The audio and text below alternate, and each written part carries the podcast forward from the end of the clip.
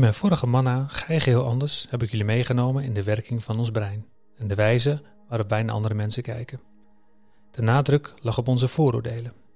Heb je die manna gemist, dan raad ik je aan om deze nog een keer te luisteren. Vandaag ga ik door met het thema Gij geheel anders. Dit keer niet hoe anderen naar jou kijken, maar hoe kijk jij naar jezelf? Ik werd hier mede door geïnspireerd tijdens het opwekkingsfestival in Biddinghuizen afgelopen weekend. De eerste dienst die ik zaterdagochtend ging bekijken was die van Jeffrey Regment. Ik spreek het vast niet goed uit, maar dat tezijde. Jeffrey sprak over het verhaal van de verloren zoon. Hij maakte de koppeling naar ons zelfbeeld. De verloren zoon dacht dat hij niet meer terug kon keren in wie hij was. Dus hij dacht iets anders geworden te zijn. Toen hij bij het ouderlijk huis kwam, wilde de zoon als knecht terugkeren. Maar zijn vader gaf hem een prachtig kleed en een feestelijk maal. En hij herstelde hiermee het zelfbeeld van de zoon en herinnerde hem aan zijn identiteit. Ons zelfbeeld is de lens waardoor we naar onszelf kijken, onze normen en waarden en wie we zijn in het leven. Stellig gaf Jeffrey aan dat je zonder een goed zelfbeeld lastig je doel en richting in het leven kunt vinden of bepalen. Waarom zijn we hier?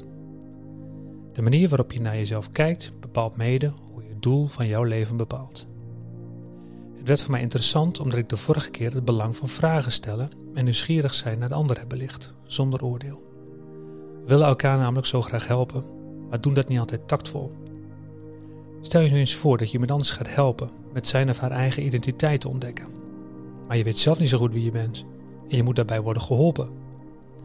We krijgen dan een gevalletje, de lammen helpt de blinden. In de Bijbel zien we ook personen die last hebben van hun zelfbeeld. Zo hoorde Mozes van God dat hij zijn volk moest uitleiden uit Egypte. En Mozes zei: Maar wie ben ik?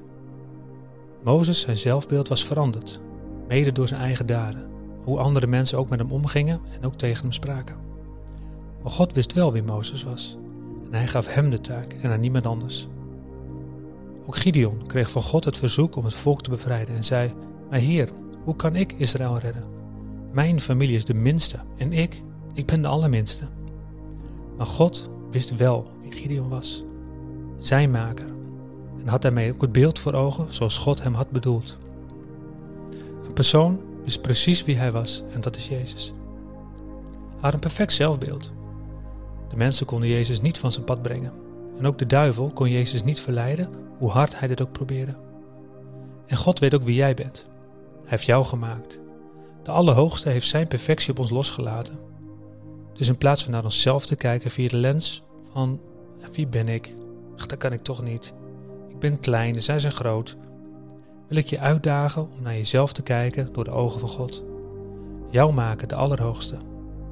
Neem de goddelijke waarde op en draag het met trots. Bekleed je met de identiteit die God je heeft gegeven. En hoe ga je dat dan doen? Denk de komende tijd eens over na. Hoe het met jouw zelfbeeld is gesteld. Kom je in actie of hou je je zelfbeeld precies op de plek waar je nu staat? Lees en bid. En vraag, wat heeft God jou hierover te zeggen? Onderzoek het eens. Gij geheel anders.